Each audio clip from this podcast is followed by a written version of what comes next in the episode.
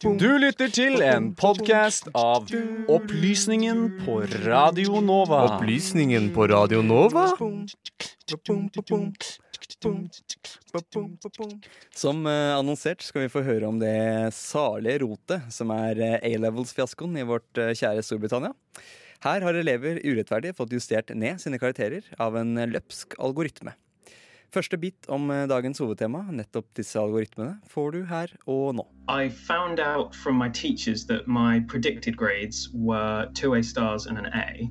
And then on my report card, when I opened my results, it came out as two A stars and a C. So one of my grades went, went down by two. I couldn't believe it. Um, in history, uh, that was the result where I got a C. I had I knew I'd been predicted an A. I, I didn't really worry about it too much, um, so I, I couldn't believe it when I opened the results and uh, and saw a C. I, I didn't know where it come from. Nathan Stubbings er 18 år og har akkurat fullført sine A-levels, tilsvarende norsk videregående, der elevene tar eksamen i tre valgfrie fag. Karakterene er de elevene søker seg inn til høyere utdanning med. Men i år gikk noe alvorlig galt. Hva var det som skjedde? I 15-16-årsalderen tar alle britiske elever GCSEs, eller General Certificate of Secondary Education.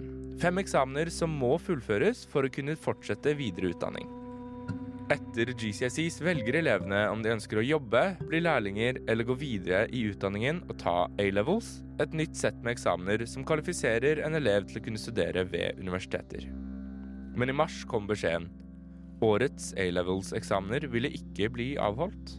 So I was um, I was stood in the kitchen. I just got home from school, and I turned on the radio and I heard the interview with Boris Johnson, uh, where he said the exams were going to be cancelled, and I, I just dropped everything I was holding. I could not believe it because never in the history of, of A levels ever have they been cancelled. I mean, they've been going for quite a few years and they have never been cancelled.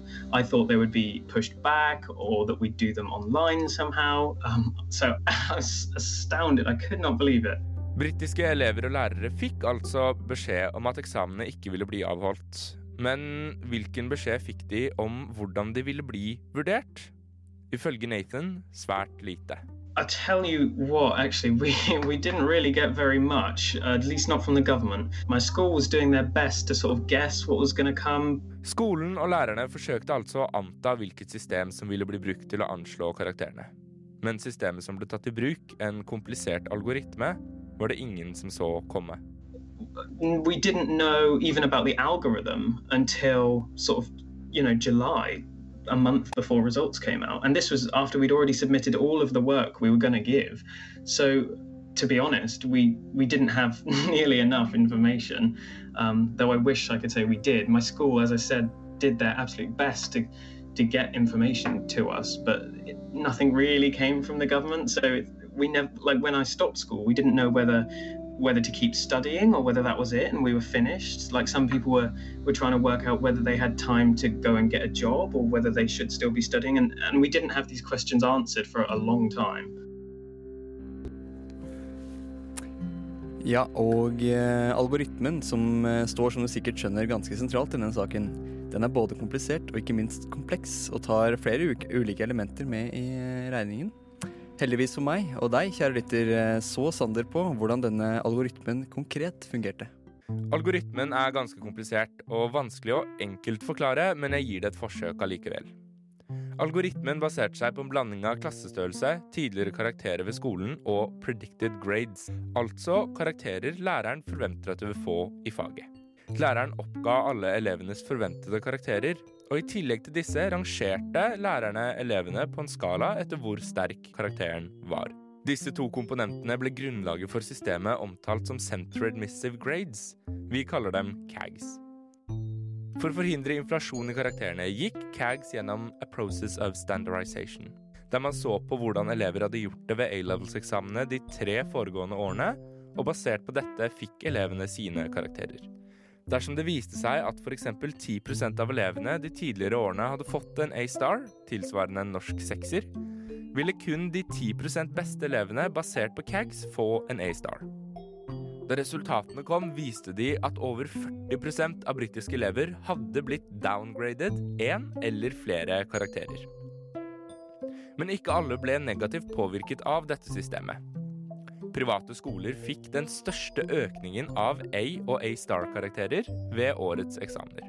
Det prosentvise antallet av elever som fikk høyere karakterer enn A ved private skoler, økte i år med 4,7% sammenlignet med en nedgang på 1,9 det forrige året. Så hva var det som førte til at dårligere elever ved private skoler fikk høyere karakterer, mens gode elever ved dårligere skoler fikk dårligere karakterer? For å finne ut av dette må vi tilbake til algoritmen. Algoritmen oppførte seg forskjellig basert på klassestørrelser. I klasser med fem eller færre elever ble det ikke utført noen form for standardisering, og CAGs ble stående som elevenes karakterer.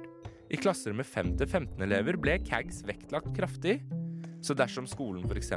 historisk hadde fått mange C-er, mens lærerne anslo at eleven ville få en A, ville de naturlig møtes på midten i en B. I klasser med flere enn 15 elever spilte caggene en mindre rolle, og standardiseringsprosessen ble mer vektlagt. For offentlige skoler i dårligere strøk er det vanlig med større klasser, mens det tradisjonelt sett bare er privatskolene som kan koste på seg så små klasser.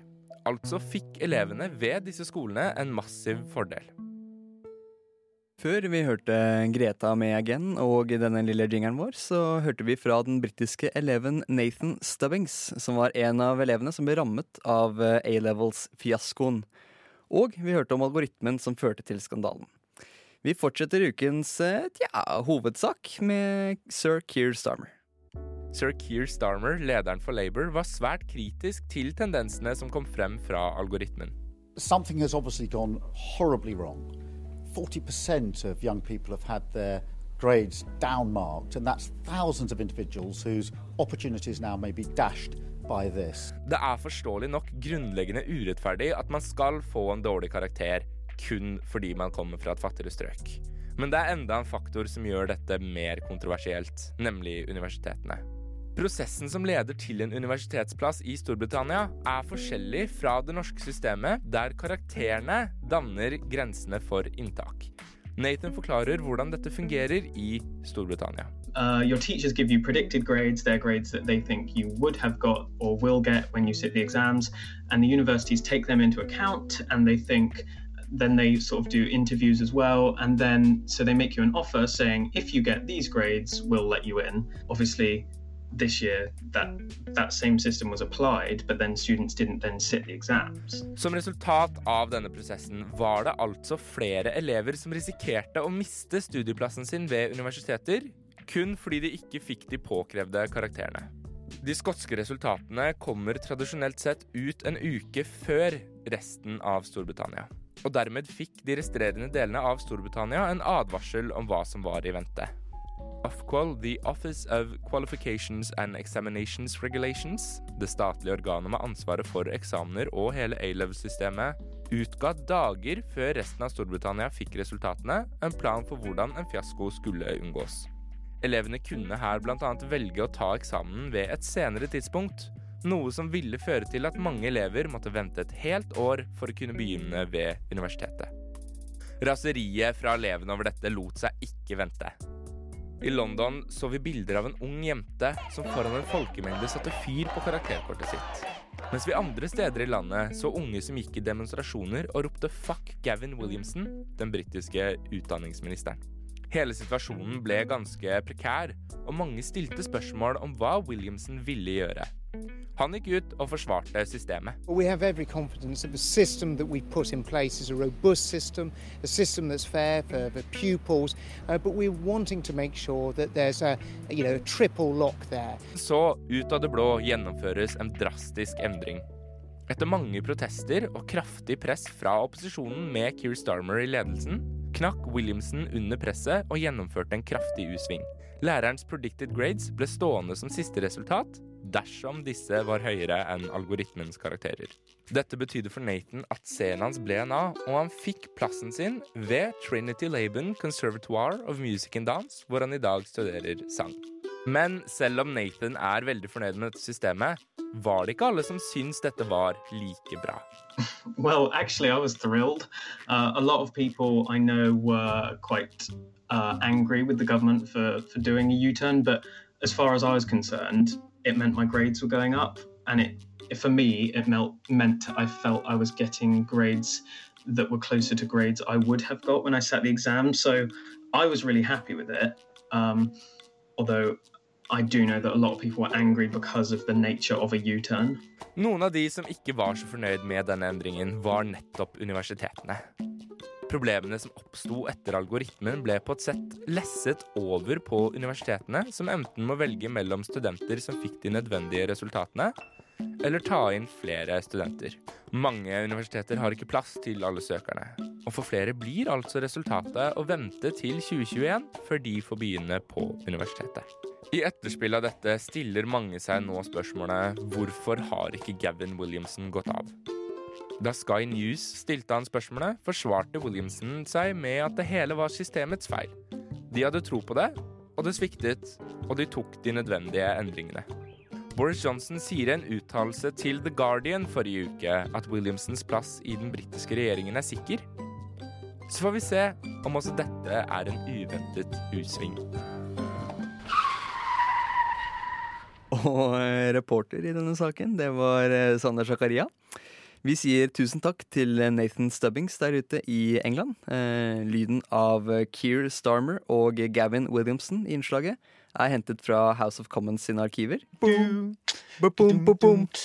Du har nå hørt en podkast fra Opplysningen 99,3. Finn denne og tidligere episoder på Spotify, iTunes eller der du måtte finne dine podcaster ellers.